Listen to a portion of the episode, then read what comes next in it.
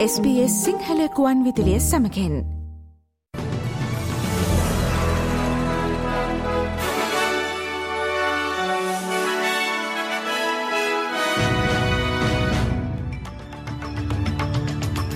අද ජනවාරි මස නව වනදා අඟහරුවාදා SBS සිංහල සේවේ ප්‍රෘතිගෙනන මම දිනේ ශාදිල් රුක්ෂී විජේසූරිය.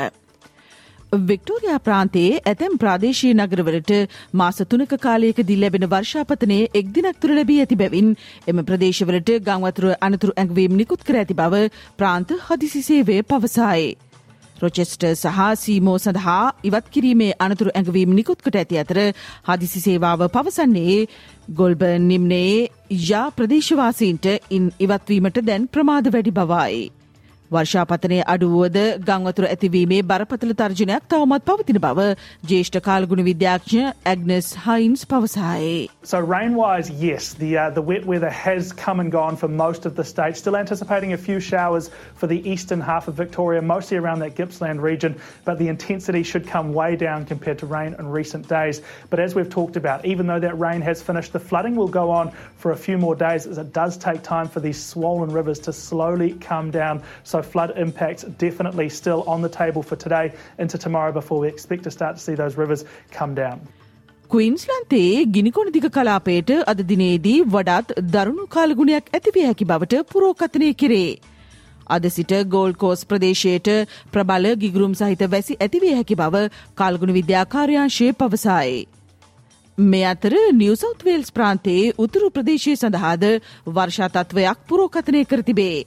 නමුත් මෑතකාලීනව දරුණු කාලගුණ තත්වවලට මුහුණ දුන් නිවසෞත්වේල්ස් ප්‍රාන්තයේ ප්‍රදේශවලට අඩු බලපෑමක් මින් සිදුවනු ඇතැයිද පුරෝකතනය කෙරේ.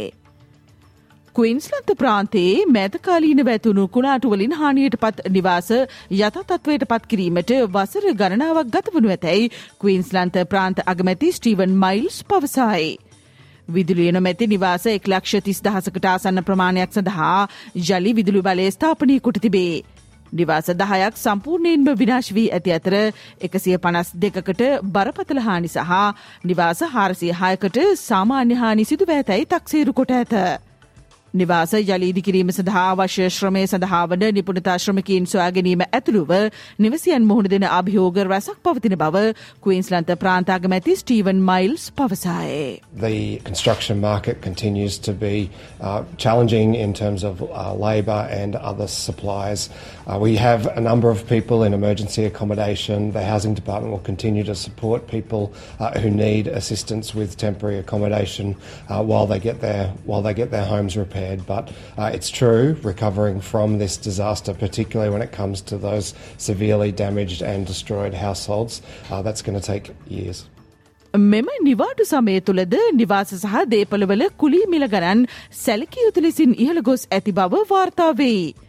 නවතම ප්‍රොප්ට්‍රක් මාකට් ඉන්සයිට් වාර්තාවට අනුව දෙසැම්බර් මසින් අවසන් වනු කාර්තුව සඳහා සමස්ත ඔස්ට්‍රේලියාවේම සතියක නිවාසකුලිය වැඩිවීම ඩොල පන්සිය අසුවක් දක්වා සියයට එකයිදශම අටකින් වැඩිවී ඇත. මෙය පෙරවසරට සාපේක්ෂව සියයට එකුළහිදශම පහක වැඩිවීමකි.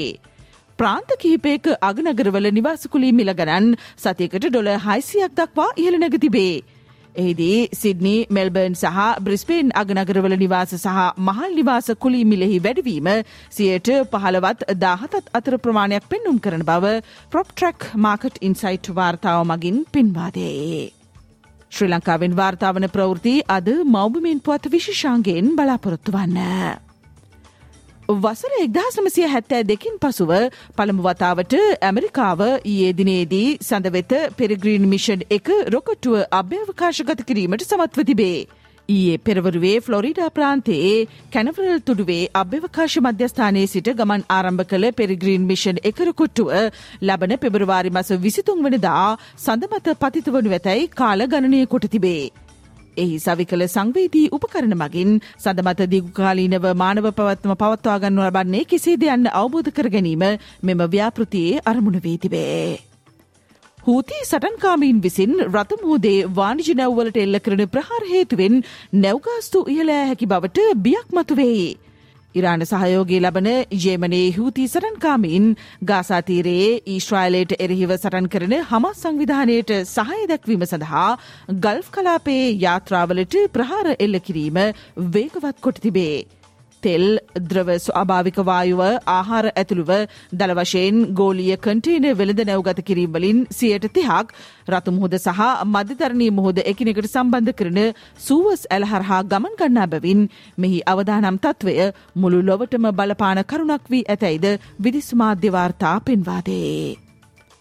සංචාර්ක සිම්බෝපේ කණ්ඩායම සහ ශ්‍රී ලංකා කණ්ඩායම අතර කොළඹ ආර්ප්‍රේමදාස ක්‍රීඩාංගනයේදී ඊයේ පැවති දෙවන එක්දින ක්‍රිකට් තරගය කඩලු දෙකකින් ජයගැනීමට ශ්‍රී ලංකා කණ්ඩායම සමත් වූහ.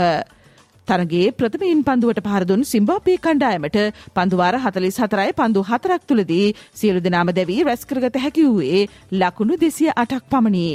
නායක ක්‍රෙග් වින් ලකුණු අසූ දෙකක් රැස් කළේය. සිම්බාබේ කණ්ඩායමේ අවසන් කඩලු හය ලකුණු විසිහයක් තුළ බිඳ වැටීම එහිදී කැපී පෙනින. දක්ෂ පන්දුයවීමක නිරත වූ මහේෂ්තීක්ෂණ ලකුණු තිස් එකකට කඩුළු හතරක් ලබාගත්තේය. පිළිතුරිනිම ක්‍රඩා කළ ශ්‍රී ලංකා කණ්ඩායම ඕවරයක් ඉතිරිව තිබේදී කඩලු අටක් දැවී ලකුණු දෙසේ එකුල්හක් ලබාගනිමින් ජයග්‍රහණය තහවුරු කළහ.